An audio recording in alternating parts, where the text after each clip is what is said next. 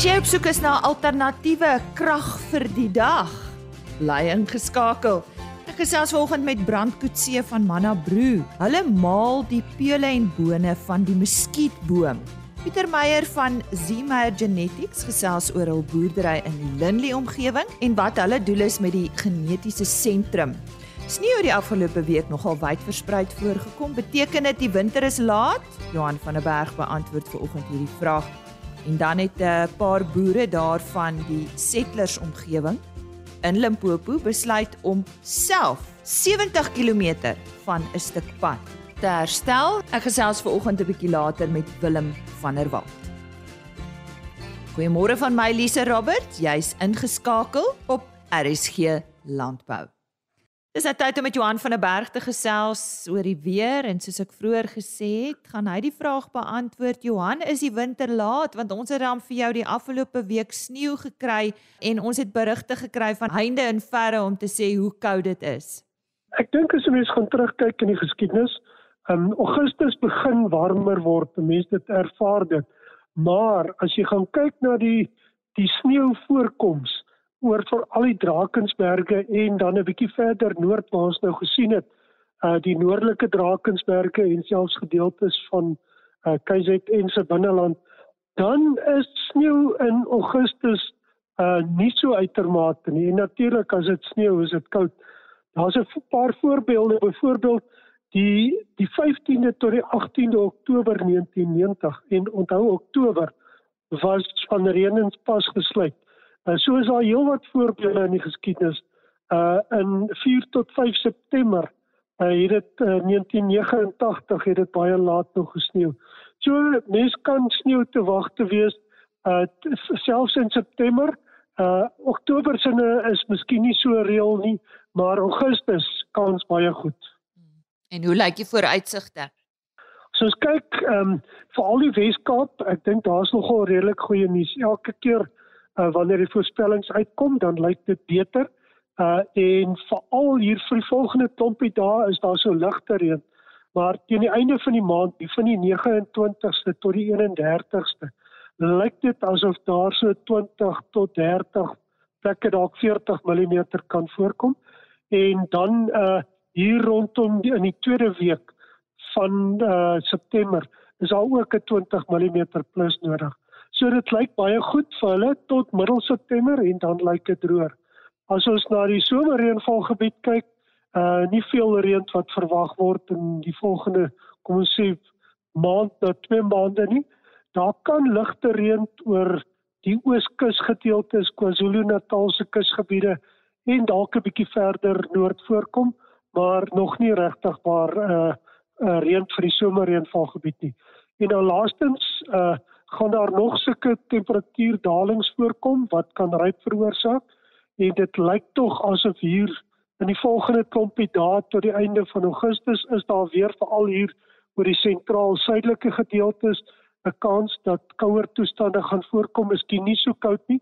En dan is daar nog twee koue fronte hier uh in September wat dalk ook temperatuurdalings kan gee. So ek dink nie ons moet sê die winter is al verby nie uh die noordelike gedeeltes Limpopo en die gedeeltes dink ek nie daar's meer 'n kans vir ryp wat daar gaan voorkom nie. Ja, ek moet by jou aansluit oor daai sneeu. Ek kan onthou 10 September, ek was nog op skool toe het dit gesneeu, so ek kan getuig daarvan. Dankie. So sê Johan van der Berg, soos altyd, eh, reg met ons weersake. Die vier diefstal eenhede van die Suid-Afrikaanse Polisie Diens het 'n groot taak op hande en dit is meer as om net veediewe vas te vat. Een van hulle take is ook om abattoirs wat buite die wet optree aan die pen te laat ry. Dirk Zandberg Junior van Samick het begin om die veediefstal eenheid van die polisie in die Wes-Kaap op te lei en hulle het reeds goeie suksesse behaal. Dirk sê sy volgende doelwit is om ander veediefstal eenhede in ander provinsies ook op te lei en te bemagtig sodat hulle die vleisbedryf beter kan bedien tydens die Samick nasionale karkas kompetisie prysuitdelingsfunksie daar op Holliston het Samick ook vir die eerste keer in hul geskiedenis 'n ere-toekenning aan twee lede van die Wes-Kaap veediefstal eenheid oorhandig kaptein Nico de Tooi en adjutant offisier Nick Kremer Koos Pisani het met die twee lede van die SAPS gesels om meer uit te vind oor hul suksesse. Nik, uh, waarvoor was die eretoekenning geweest? Die eretoekenning was vir uh, die bydrae wat ons aan die rooi vleis uh, industrie gelewer het. Ehm um, ons het verskeie sake saam met uh, Dirk gedoen. Ehm um, Dirk Zandberg en uh, ons het ook uh, gereël vir opleiding om en sodoende het ons die meeste van die Weskaap ehm um, opgelei in die polisieering veral van abattoirs en uh slaghuise. Nico, uh, wat behels hierdie opleiding wat julle vir die uh vee diefstalbeamptes uh, gee? Tydens die opleiding het ons begin om die abattoir te besoek. Uh Dirk het vir ons deurgevat deur die hele abattoir van die slagtingsproses van die begin tot die einde. En wat die interessante deel was is die gradering en klassifikasie van die vleis gewees. Watter stempels op watter vleis kom en hoe lyk die stempels as ons ehm um, die slaghuise besoek dat ons die vleis kan identifiseer en kan sien ehm um, of dit vals stempels is wat op die vleis is en van watter oorsprong van watter abattoir die vleis vanaf afkom. Nik, watter suksese het julle behaal nadat julle hierdie opleiding gekry het? En is daar enige uh, vordering in die vermindering van van vee diefstal in die in julle omgewing? Ehm um, ons suksese behels uh daar tans in die Suid-Kaap is daar 'n uh, abattoir waar die saak vir die hof dien uh waar uh stempels op vleis gesit is wat uh uh klassifikasiestempels uh wat vals stempels was. Ehm um, so dis die eerste sukses wat ons behaal het. Soos ek sê die saak is nog voor die hof, die, die saak is nog nie afgehandel nie. Dan in die Klein Karoo self was daar 'n slaghuis wat uh byvoorbeeld uh, skaap as lam verkoop het, uh, die saak is afgehandel, die mense het hulle uh, boetes betaal. So dit is uh, tot dusver die sake wat ons uh, voor hof gehad het en die suksese wat ons gehad het. Die invloed op veediefstal is moeilik om te sê omrede ons meer om hierdie opleiding meer uh, in die rigting is van die uh abattoirs en nie direk op ons primêre funksie van veediefstal uh gerig is nie.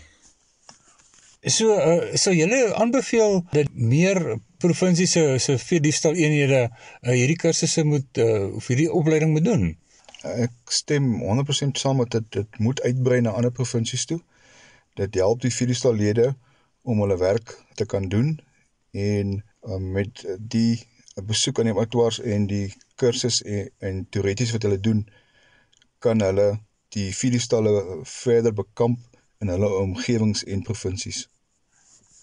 Uh, dit is kaptein Nico de Tooi en AO Nick Kremer van die veediefstal eenheid in die Weskaap. Ek is Koos de Pisani vir RSC Landbou in Wolliston. En Koos de Pisani is die RSC Landbou medewerker in die Noord-Kaap. Nou ja, dis my voorreg vir oggend om met Pieter Meyer te gesels. Hy is van Ziemeyer Boerdery, maar ook Ziemeyer Genetics. Ons gaan vandag met hom gesels oor die boerdery daar in die Linley omgewing en ook uh hulle fokus met daardie sentrum van hulle. Ja, soos ek gesê het Pieter, môre, julle is daar in die Linley omgewing. Vertel ons 'n bietjie van Ziemeyer boerdery om te begin, die familie en en dalk so 'n bietjie iets oor die plaas. Ja, Lize, nee, dankie vir die vir die geleentheid. Dit is uh, so voorreg om te praat. Die um die grond waar waar op die waar op die plaas is en die huis waar ons bly is op ou familiegrond dit kom eintlik van my ma se kant van die familie af. My pa het die grond uh gekoop by my oupa in 1994. En um my pa het so oor tyd heen as 'n professionele persoon, hy's 'n meganiese ingenieur, het hy grond bygekoop. En um ek het nou die wonderlike voorreg uh om al 6 jaar hier, hier voltyds te boer. Um en ja, dit gaan baie goed. Ons ons ons bedryf is gemengde boerdery. Um uh ons het beeste en ons het 'n saaiery en dan probeer ons 'n bietjie blou bessies ook hier hmm. um in in die koue Vrystaat so ons ons probeer maar 'n paar dinge en, en kyk wat werk vir ons. Jy sê ons, so wie's almal betrokke? Ek en my pa, ons is okay. saam verloop in die in die in die boerdery en dan um uh jy weet dit elke uh uh familie het het het 'n bees of twee wat hier so loop. So um ons probeer ons probeer om almal um ja. almal deel te maak so ver as wat dit vir hulle pas en werk. Ehm um, nee, dis 'n groot voorreg om om om saam te kan werk. En fokus julle op een spesifieke ras? Ja, ons het ons het drie rasse op die oomblik. Ons het Simmentallers en Simbras en Brahmane. Die Simmentallers en die Brahmane is nou die die moederrasse vir die Simbras. Hmm. En dis maar oorspronklik waar ons begin het, is by die Simbras. Hmm. Um en toe het die behoefte ontstaan om te kyk of mense 'n bietjie nuwe lyne kan vestig. Um dis 'n baie lank dit is is is, is vier generasies um van van die eerste van die eerste kruising af voor jy nou die volbloed Simbra kom. Maar ja, ons ons ons bou ons bou konstant nuwe simbras en dan en dan probeer ons om die uh die die moederrasse ook um so sterk as moontlik aan te gaan met hulle ook, jy weet. So dit dit, dit kan partykeer 'n bietjie kompleks raak. Mm. Maar dis 'n lekker uitdaging ons geniet dit. Pieter, wanneer het julle besluit om hierdie genetiese is dit 'n fasiliteit of 'n sentrum te begin? Dit is 'n dis 'n dis 'n toetsentrum. Mm. Um die uh uh aanslag wat my pa uh, na die na die boerdery toe gebring het vandat hy begin het is is is redelik um data gedrewe en die nuwe die nuwe woord in die bedryf wat ek hoor die hele tyd is presisie. Ja. Um en en dis eintlik nou maar net die vermoë om met met met goeie intydse inligting besluite te kan neem, nê. Nee. Um so ons ons probeer soveel as moontlik meet sodat ons by goeie antwoorde kan uitkom. Ons kyk nou al 'n paar jaar na die na die gedagte om die toetsentrum hier op op die plaas op te sit. En ehm um, ja, die die al die dinge het so belyn en ons sit in in laas in in Januarie het die het die, die toetsstasie aangekom en ons sit hom in in werking ingestel Maart April maand 2021. Sjoe, so dis nog net so jy het spesifieke kliënte wat van hierdie dienste gebruik. Ja, weet jy, ons het ons het die stasie opgesit primêr om onsself eintlik maar uh, te gebruik. Hmm. Ehm um, maar maar die minimum eh uh, die minimum grootte was nou groter as wat ons behoefte is. Ehm um, so eh uh, ons het toe stadig maar seker begin om om die verskillende eh uh, beestelersgenootskappe te te nader. Ehm um, uh, en eh uh, die Wagyu genootskap het nou al 'n paar toetse by ons gedoen. Eh uh, daar's 'n hele paar simmentaler teelers wat ons ondersteun vermaantelers wat ons ondersteun, simbratelers wat ons ondersteun, uh uh uh brandespelers wat ons ondersteun. So ons is regtig um bevoorreg um om te kan sê dat ons is op kapasiteit. Um die stasie is vol, jy weet, so dis dis dis regtig groot genade. Jy weet ons het nie ons het nooit gedink ons gaan um so vinnig uh jy weet die stasie kan vol kry nie inteendeel dit het ons verwagtinge oortref. Maar ek bedoel om so 'n stasie of of so 'n sentrum te begin moet jy tog die regte kennis persone mense het so is daar 'n groep mense wat die toetse vir julle doen hoe werk dit die die maatskappy wat die toerusting aan mense uh, verkoop se naam is Vital ja. uh, Vitali hulle is 'n Kanadese maatskappy.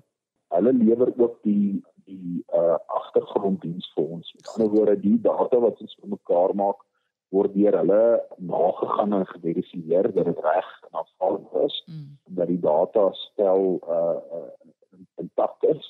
En dan word dit deurgegee na um na die LRF toe wat nou met wie ons werk se oorkoepelende liggaam is. Mm. En hulle stuur dit dan weer onderskeidelik na na IDRI toe wat um die die rasse met wie ons werk se genetiese dienste lewer. Mm um en hulle verwerk die data vir ons en dan kry ons teelwaardes terug op die einde van die dag. Um okay. en die teelwaardes word dan gebruik om om om teelbeleid besluite te maak. Um en die wonderlike ding van die teelwaardes is, is dit is um uh dit is vergelykbaar uh uh tussen kuddes. Jy weet 'n klomp manne gaan vir jou sê hierdie een is 'n indeks sê dit en daai is 'n indeks sê dat maar statisties is is is twee stelle indekse nie vergelykbaar met mekaar um, jy weet so so as jy as jy nou na die na die na die jy weet um, dit is business soos om winsmarges te vergelyk. Jy weet altyd sê ons het 15% wins gemaak, maar die een werk met met met biljoene rande en die ander werk met 150. Jy weet so mm, mm. ehm um, uh, dis nie jy, jy weet altyd het 15% gemaak. Jy is reg, maar jy sien by dieselfde antwoord. Mm, jy weet die een die een het 'n bietjie meer vermoë. So so ja, ehm um, uh, ons ons ons probeer om by akkurate uh uh bereikbare inligting uit te kom sodat ons vir ons kliënte en vir onsself uh die beste moontlike uh 'n produk kan lewer op die einde van die dag. Hmm. Dit en ons glo regtig dat dat um voerdoeltreffendheid en um aanpasbaarheid en vrugbaarheid is die goed wat um wat die beesbedryf uh, vorentoe gaan vat in die volgende ja. volgende ja. klomp jare. Ja nee, daai woorde hoor ons gereeld. Ek hoor dit gereeld. Toe ek nou so 'n bietjie my navorsing gedoen het oor julle, is daar iets wat vir my uitgestaan het en en dit is die gedagte van ons moet aanpas en groei met die behoeftes van die verbruiker in gedagte. Ja, kyk, eh, die uh, elke boer is mos nou mos nou die die die die, die baas op sy eie plaas, nê. Nee. Ja. Dis 'n groot voorreg, maar dis ook 'n groot verantwoordelikheid. En uh ek dink tot 'n groot mate as mens kyk uh waantoe waantoe meer volwasse markte, jy weet en ek sê dit met respek al beweeg het, um dan is daar al hoe meer boere wat uh nie van uh derde party maatskappye gebruik maak om hulle produkte te bemark aan die mark self. Hulle neem deel aan meer gedeeltes van die waarde. Mm. En um in Suid-Afrika ontbreek dit tot 'n groot mate. Ons het 'n baie gesegmenteerde uh uh bedryf jy weet 'n boer bly 'n produsent daar word 'n prys gepubliseer en ons moet die prys aanvaar wat ons kry. Um ons word nie beloon vir die kwaliteit van die produk wat ons lewer nie. Ons word nie beloon uh vir die variëteit of die genetiese potensiaal wat ons noodwendig het nie. Jy weet so daar's klomp goed wat nog ontbreek in ons mark en waar ons mark nog meer volwasse kan word. En dan op verbruikersvlak, um as jy kyk na die variasie van die vleis wat jy koop by die slaghuis. Um jy weet ons het 'n 'n graderingsstelsel op oomblik nie 'n klassifikasiestelsel by vleis. Ehm um, so so ons koop diere gebaseer op hoe oud die dier is hmm. en uh, hoeveel vetneerlegging was daar. Ehm um, waar in ander dele van die wêreld uh uh kan jy letterlik koop uh gebaseer op wie was die boer wat die vleis geproduseer het. Um uh en jy kan sien hoe sag is die vleis, jy kan die stuk tussen die vet sien en ons um uh uh jy weet 'n uh, klomp ander eienskappe wat ook vir die verbruiker beskikbaar is. So op die einde van die dag um uh het die verbruiker tog uh 'n behoefte tot kwaliteit vleis, hulle het 'n hulle hulle 'n behoefte om om uh gekoppel te voel met met met die produsent en jy weet ons sit met 'n geleentheid. Um uh, ons mark is nog nie daar nie, maar ek dink regtig as ons as produsente die bemoeienis bemoeienis maak om om om ons landbouorganisasies te probeer motiveer om daar uit te kom, dan um, sal dit net tot almal se voordeel wees in langtermyn. Ja, ons kan nog baie lank met uh, Pieter Meyer gesels. Ons moet ongelukkig hier afsluit Pieter. Pieter is van Z Meyer Genetics en boerdery daar in die Lindley omgewing. Hy het vandag met ons gesels oor hulle boerdery en ook uh, hulle visie met hierdie uh, genetiese sentrum. Baie dankie Pieter. Baie dankie. Soos vroeër genoem het 'n paar boere van die settlers omgewing besluit om self paaie in hulle omgewing wat vir hulle belangrik is te herstel. Ek gesels nou met die voorsitter van die Springbok vlakte boerevereniging Willem van der Walt. Willem, môre, vertel vir ons die storie. Goeiemôre Elise. Baie dankie dat ons gou kan gesels oor hierdie probleem wat die landbou die afgelope tyd so uh ervaar. Settlers is op die Springbok vlakte so 30 km hier oos van Bella Bella. En tydens ons uh, Springbok vlakte boervereniging se Augustus maand vergadering het die lede besluit om die drie hoofroetes vanaf Settlers self nou om te sien. Die plaaslike Limpopo paaie uh takkie op Bella Bella het net nie meer die kapasiteit om enige verskil aan die paaie te maak nie. Dit is buite hulle vermoë om regtig 'n verskil te maak. Ons het hierdie 'n gemeenskapprojek gemaak. So dis nie net boereverenigingslede nie, dis die hele gemeenskap is betrokke in die omgewing. Boere, onderwysers, bestuurders op plase, kantoorpersoneel, ons besighede in die dorp en belle belle wat baie aktief betrokke is wat ons help met toerusting uh om die paai meer reg te maak. Ons het drie paaie geïdentifiseer, is die R576 vanaf die Kotterton brug op die uh, op die N1 na Settlers Ons het die 516 vanaf Settlers verby Sondela tot by die N1 snelweg en dan vanaf Settlers tot by die R33 naby Modimolle. Dit is ongeveer 70 km hierdie afstand wat ek nou genoem het hier. En ons het so vinnig opname gemaak. Daar's ongeveer 6000 slaggate op hierdie stuk pad, op hierdie stuk pad. Dit is regtig lewensgevaarlik. Die voertuie swaai heen en weer tussen die slaggate rond. Ons inwoners se kinders is daagliks op hierdie paaie pad skool toe. En almal gebruik die paaie vir besigheid in die dorpe. Daar's pendelaars wat daagliks met taksies hierdie paaie gebruik. En ons groot probleem is met naweekverkeer wat op Vrydae en Sondae omtrent verdubbel. En so verdubbel die gevaar ook. Soveel so dat landboutoerusting na 1 uur op 'n Vrydagmiddag net nie meer op hierdie paaie kan beweeg nie. En so word die uh, produktiwiteit beïnvloed van die landbou. Ons insette word daagliks met hierdie paaie vervoer na die plase toe. Die kontrakteur wat dit uh, aflewer is besig om hulle tariewe te verhoog as gevolg van die swak paaie. Ons produkte moet met hierdie paaie van die van die plase af weer na die markte toe gaan as gevolg daar's ook nie meer treinspore nie. So regtig hierdie paaie is vir ons uh, baie baie belangrik. Die bakkies en die vragmotors se onderhoud skiet die hoogte in terwyl die staantyd van die onklaar toerusting ook die produksie negatief beïnvloed. Jy kan dit maar net vir jouself indink. Landbou is 'n belangrike werkgewer op die platteland en speel 'n reuse rol in die ekonomiese aktiwiteit van die land. Gee vir die landbou die nodige funksionele infrastruktuur sodat die landbou kan fokus op sy primêre doel, naamlik werkskepping en voedselproduksie.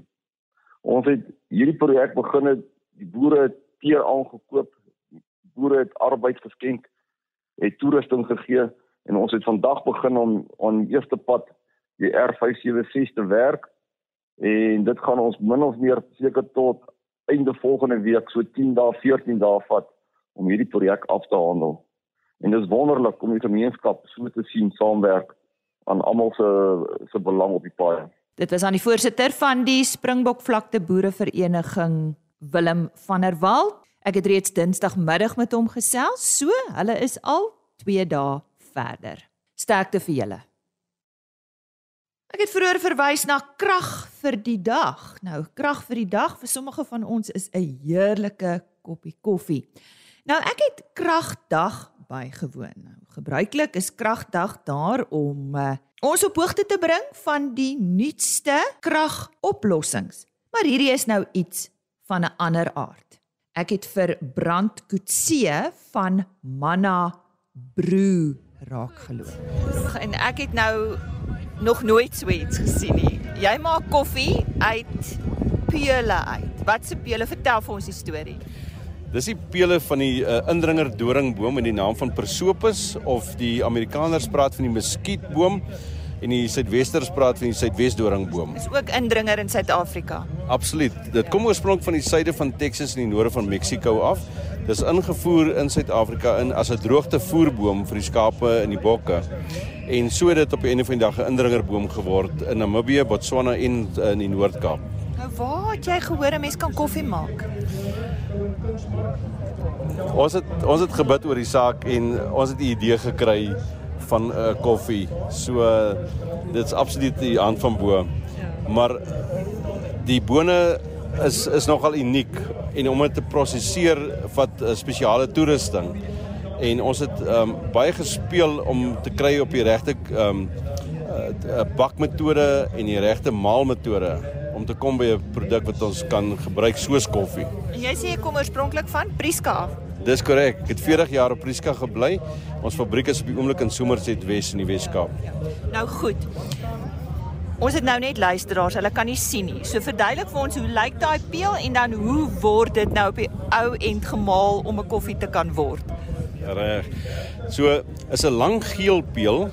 Die bome is amper reg deur die jaar groen. Ehm um, wanneer die veld droog is, staan hierdie boom lowergroen en hy dra sulke lang goue geel pele wat geweldig voedsaam is. So die die ehm um, uh, die pele word ook beskou as as 'n superfood want ons het gesien dat skaap alleen uh, kan uh, oorleef net op die pele. So wanneer ons dan die pele ehm um, oes dan word dit eers ordentlik droog gemaak, word skoon gemaak en dan gaan deur 'n spesifieke bakproses. Ons bak dit teen 210 grade Celsius en dan gaan dit deur twee verskillende maalprosesse met baie spesifieke meulens om by die regte ehm um, grofheid uit te kom sodat dit in enige koffiemasjien gemaak kan word. Maar jy het nou vir my verduidelik, ek het nou 'n koffiemasjien by die huis wat nou met bone werk. Maar jy moet nou versigtig wees want hierdie uh hierdie gemaalde koffie is is uh grower as wat 'n 'n gewone espresso gemaalde boon 'n koffieboon koffie is. Dis dis reg. So as jy verskoon tog my Engels, as jy Ja. werk met 'n bean to cup masjien, Ja. gaan hy nie werk nie want die vesels in die produk uh, swel, dan gaan dit dalk hy pypies kan verstop. So dit werk baie goed as jy 'n mokka pot of 'n Bialetti het. Ehm um, selfs as jy 'n plunger het of 'n drip masjien of 'n gewone uh, koffiemasjien wat 'n mandjie het wat jy kan inklik. Maar die groot voordeel is jy gebruik net helfte van die poeier soos wat jy met gewone poeier 'n uh, koffie sou gebruik. Nou Brand sê vir my, daar's net soveel bome, so daar's net soveel pele. So hoe kry jy nou genoeg pele om jou besigheid aan die gang te hou? Sjoe, ja. Daar's oor die 2 miljoen hektaar wat geïnvesteer is met die bome en as jy volgens bosbou standaarde werk en jy so al daai bome bymekaar loop druk, dan praat jy van so 400 000 hektaar wat ons het. En dan praat jy van 5 ton op 'n hektaar gemiddeld se pele wat ons kan afkry. So wanneer ons oes, gebruik ons geweldig baie arbeid. Um ons oes nog nie op hierdie stadium so baie nie, maar met die koffie glo ons gaan ons baie meer werk kan skep. Ons gebruik so 1000 mense op 'n slag om in die veld in te gaan om die pele vir ons te oes. En uh, ons het met elke liewe mens het ons 'n kontrak want ons produk is FSSC 22000 gesertifiseer. Wat beteken dit? Dit beteken Food Safety and Security Certificate. En ons kan nie uitvoer sonder daai sertifisering nie en dan is ons ook organies gesertifiseer. So om dit te doen, moet ons kyk na uh, na na speurbaarheid of traceability. ja. In landbou weet ons wat dit is. Verse verseker en jou buitelanders uh, wil graag sien waar kom die produk vandaan is die mense goed uh, betaal vir die produk doen ons iets aan die ekologie so die die produk regtig ehm um, tik al die bokse En hoe lank is jy nou al betrokke hierby? Wel ons ek werk nou al 26 jaar met die bome Ons het ander produkte ook wat ons maak met die pele. Ehm um, die ander produk se naam is Manna Blood Sugar Support wat op uh, die apteekrakke is al vir die afgelope 17 jaar en dit stabiliseer bloedsuiker vir diabetes. Goed, so met ander woorde, hierdie koffie is eintlik 'n gesonder weergawe. Absoluut. So wanneer jy die koffie proe, sal jy proe daarso dit is 'n soetigheid in die koffie. Ek proe hom, ja. En, en die soetigheid kom van die pele af. En dis essensiële suikers. So die suikers gee vir jou langdurige energie, amper so stamina. Waar kafeïne gee vir jou 'n uh, 'n op en 'n af. Spike, soos hulle sê. Ja, ja, ja.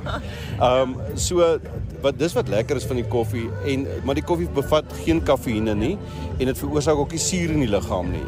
Waar as jy baie kafeïn uh, drink, sal jy agterkom dat jou gewrigte dalk later kan begin pyn as gevolg van die urinesuur wat ophou. Die koffie kan dit nie doen nie. En selfs kinders kan dit drink en swanger vrouens kan ook die, die produk gebruik. En jy kan dit vanaand drink voor jy gaan slaap en jy sal jou nie wakker hou. Absoluut, absoluut, ja. Dit was aan die stem van Brand Kutse. Hy is uh, hoofuitvoerende beampte van Manna Brew. As jy bietjie meer wil gaan lees www.mannabrew.co.za. En dis dan ook hierdie week se RSG Landbou. Dankie dat jy by ons aangesluit het. Kom ek herhaal net vinnig ons webtuiste en e-posadres. E-posadres rsglandbou@plaasmedia.co.za. RSG Landbou by plaasmedia.co.za en dan 'n uh, webtuiste behalwe vir die rsg.co.za webtuiste waar die potgooi natuurlik beskikbaar is, ook www.agriorbit.com. Daar word die onderhoude afsonderlik gelaai. www.agriorbit.com. Goeie naweek vir jou. Totsiens. RSG Landbou is 'n plaas media produksie met regisseur en aanbieder Lize Roberts en tegniese ondersteuning deur Jolande Rooi.